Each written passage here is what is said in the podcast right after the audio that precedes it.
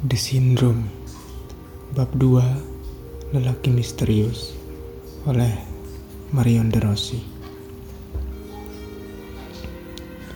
Seolah-olah disiram satu ember air Tubuh Cynthia bersimbah keringat. Dia kalap Napas menderu makin cepat. Dada kembang kempis. Merupakan reaksi yang wajar jika seorang manusia mengalami ketakutan momen menjijikkan baginya saat sesuatu menerobos masuk dan merobek-robek pakaian, sedangkan perlawanan saja tak dapat dilakukan. Makin erat Cynthia menggenggam kain yang mengikat tangannya. Kedua kaki serta otot-otot mengeras seolah sesuatu akan keluar dari sana. Tidak mungkin dia bisa melihat makhluk yang sedang menindih tubuhnya ketika rasa takut makin mencengkram pikiran. Cynthia kalang kabut. Apakah harus pasrah membiarkan makhluk itu melakukan hal paling tabu baginya? Sekuat tenaga dia berpikir yang dialaminya tidaklah nyata. Itu hanya ilusi semata dengan serangkaian proses yang tentu tidak dia ketahui sehingga berada di tempat tersebut secara tiba-tiba. Apakah mungkin makhluk itu adalah penunggu pohon beringin di luar makam? Buang-buang waktu, Cynthia harus secepatnya melawan sebelum makhluk tersebut melakukan sesuatu yang lebih buruk. Meskipun sakit terasa di kaki dan tangannya akibat jerat kain yang mengikat, Cynthia tak berhenti berusaha agar terlepas dari jerat dan bebas. Setidak-tidaknya bebas dari perlakuan menjijikkan lebih baik meskipun tak menutup kemungkinan dia bisa saja terluka daripada harus menerima sesosok makhluk asing memerkosanya secara liar. Lebih baik mati hingga terbebas dari dunia yang memberatkan segala pikiran. Lepaskan. Suara Cynthia berhasil keluar dari tenggorokan setelah sekian menit tertahan. Berkali-kali berontak, Berkali-kali makhluk itu menambah cengkeraman makin kuat. Cynthia mendapat satu tamparan keras yang membuat tenaganya berkurang saat melakukan perlawanan. Makhluk itu justru mencengkeram lehernya, lalu melanjutkan apa yang seharusnya dilakukan. Dia sepenuhnya pasrah dengan tatapan kosong.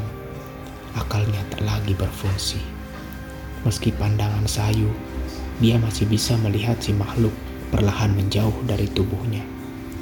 Yang dilihatnya hanya punggung sang makhluk yang perlahan menghilang setelah keluar dari kamar itu.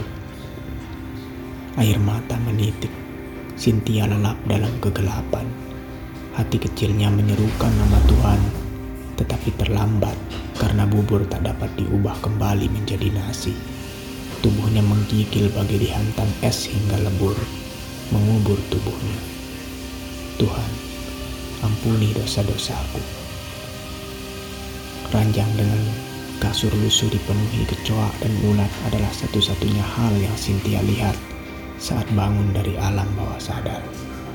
Ada sesuatu yang aneh menurutnya karena bisa bergerak bebas, berguling ke kiri dan kanan tanpa merasakan sakit di tangan dan kaki.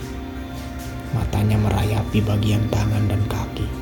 Dia telah terlepas sepenuhnya dari kain yang menjerat sebetulnya tidak dapat dipercaya, tetapi itu adalah sesuatu yang terjadi. Siapa orang yang membebaskan tangan dan kakinya? Apakah mungkin makhluk misterius yang menggerayangi tubuhnya itu? Bagaimana bisa? Daripada berpikir keras sehingga membuat kepala seolah ditindih batu besar, Cynthia bangkit dari ranjang. Matanya menerawang sebelum akhirnya memeriksa pakaian yang telah compang-camping dan robek di mana-mana. Saat mengingat kembali kejadian itu, air mata menganak sungai. Memangnya siapa yang akan dia salahkan? Apakah mungkin menyalahkan makhluk yang sama sekali tak diketahuinya? Lagi pula, benarkah makhluk itu penunggu pohon? Menolehkan pandangan ke sebuah meja persegi yang tampak lapuk, Cynthia melihat sebuah topeng dan jubah.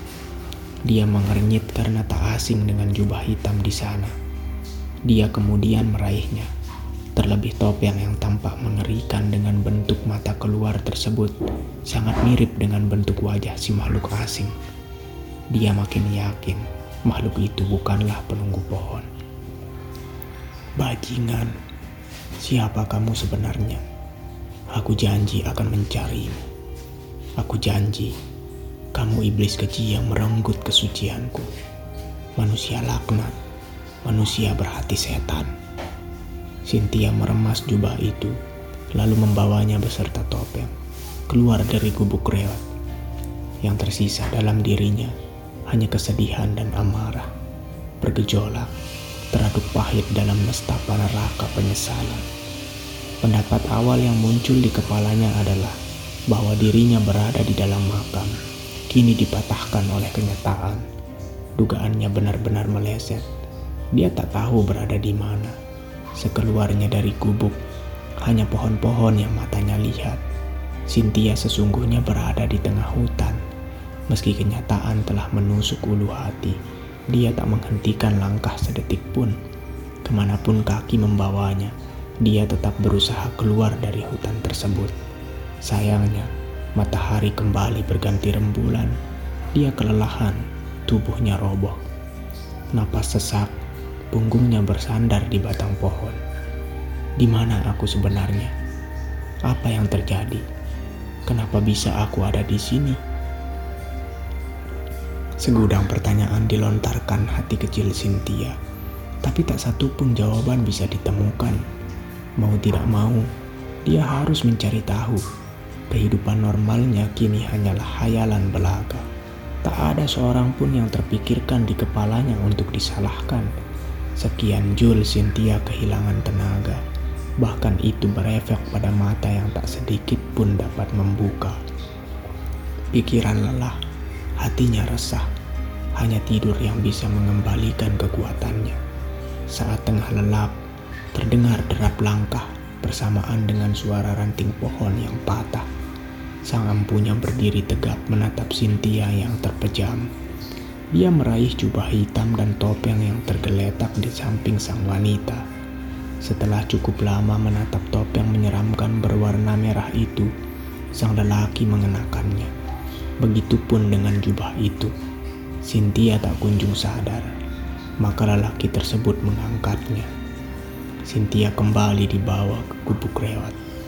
Rembulan berwarna jingga setidak-tidaknya memberitahukan bahwa malam begitu kelam dengan sejuta misteri yang ada, Cynthia tidak pernah menyadari bahwa dunia malam yang disukainya ternyata hanya dapat membawa menuju masalah yang rumit.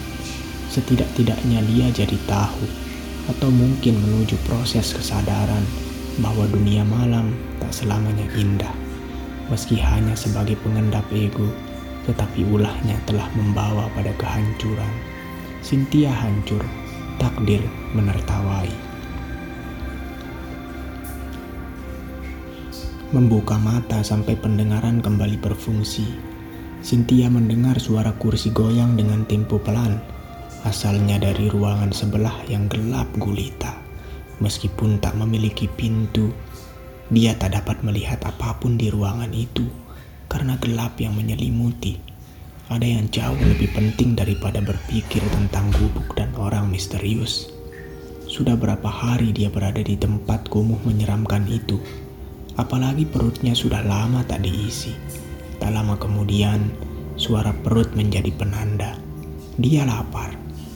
Tenggorokan kering, bibir pecah-pecah, rambut acak-acakan. Dia harus mendapatkan makanan dan air minum. Namun, di mana dia bisa mendapatkannya? Dia tidak punya daya dan upaya. Berpikir pun hanya menambah kepalanya makin terasa menyakitkan. Demi mengobati rasa penasaran, dia berjalan ke ruangan asal suara kursi yang bergoyang. Karena beberapa waktu lalu sepatu hak tingginya patah, dia jadi bertelanjang kaki. Itu bagus, karena bisa mengurangi derap berisik yang bisa membuat orang misterius tidak menyadari jika dia sedang menuju ruangan gelap itu. Meski begitu, tak bersuara pun tidak menjamin orang tersebut tidak menyadari yang dilakukan Cynthia. Seperti yang dia sadari, Jubah dan topeng yang dia dapatkan juga menghilang Alangkah yakinnya Cynthia bahwa yang mengambil jubah serta topeng barusan adalah orang misterius. Dia pula yang membawanya kembali ke gubuk reot nan kuno. Cynthia berusaha mengatur napas. Dengan begitu, dia bisa melangkah dengan yakin dan kemungkinan orang misterius tidak akan menyadari keberadaannya. Akan tetapi, pemikiran itu segera terbantah saat sebuah tangan membekap mulutnya dan satu tangan lain menutup matanya. Jelas tidak pasrah. Cynthia berontak, berusaha melepaskan tangan itu. Namun ternyata itu hanya perlawanan sia-sia. Perbedaan kekuatan mereka sangat jauh.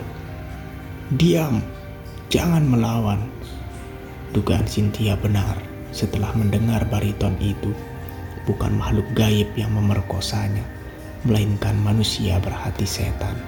Entah siapa, tetapi suara itu terdengar tegas. Bisa dia bayangkan bahwa lelaki itu jauh lebih tinggi dan berbadan besar. Air mata kembali mengalir, menerobos dari sela-sela jemari tangan si lelaki. Jangan, jangan menangis,